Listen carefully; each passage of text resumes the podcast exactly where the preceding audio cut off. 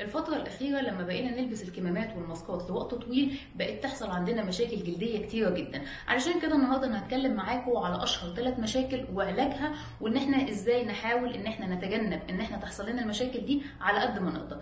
أول حاجة بتحصل هي الالتهاب بسبب الاحتكاك المستمر ما بين طبقة الوش والكمامة. فأول علاج ليها إحنا هنقول إن إحنا محتاجين إن إحنا نستخدم غسول مناسب لنوع بشرتنا يكون لطيف جدا على البشرة وكريم مرطب نفس الكلام الكلام يكون لطيف. وما ننساش واقي الشمس لازم واقي الشمس اللي إحنا بنستخدمه يكون فيه الزنك أوكسايد علشان يقلل على قد ما نقدر الضغط الناتج ما بين بشرتنا وما بين الكمامة.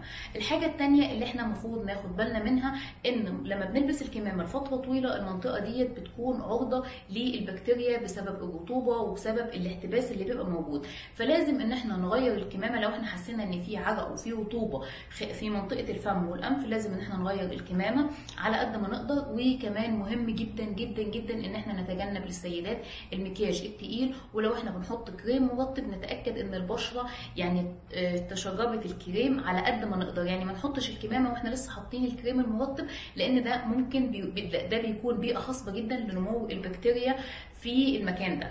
الحاجة الثالثة الناس اللي بتشتكي منها إن أنا الكمامة بتبقى ضغط على وشي الوقت طويل جدا فالحل إيه؟ الحل إن أنا لازم أستخدم مرطب مناسب لنوع بشرتي ويفضل إن أنا أستخدم الكريمات اللي هي النابيراج آه زي السودوكريم مثلا ولازم إن أنا أستخدم واقي الشمس زي ما قلنا في ال zinc oxide الحاجات دي مهمة للناس اللي بتلبس الكمامات لوقت طويل جدا بتعدي الساعتين ثلاثة وخصوصا إن إحنا دلوقتي دخلنا في الصيف فلازم إن إحنا على قد ما نقدر نحاول إن إحنا نغير الكمامة علشان العرق الميك اب ضغط الكمامة على الوش لفترة طويلة ممكن يعمل مشاكل جلدية كتيرة جدا إحنا في غنى عنها. وفي الآخر لو لا قدر الله حصل حاجة وإحنا مش عارفين علاجها لازم نتوجه فورا لطبيب الجلدية أو نستشير حد علشان ما يحصلش أي التهابات في المنطقة دي.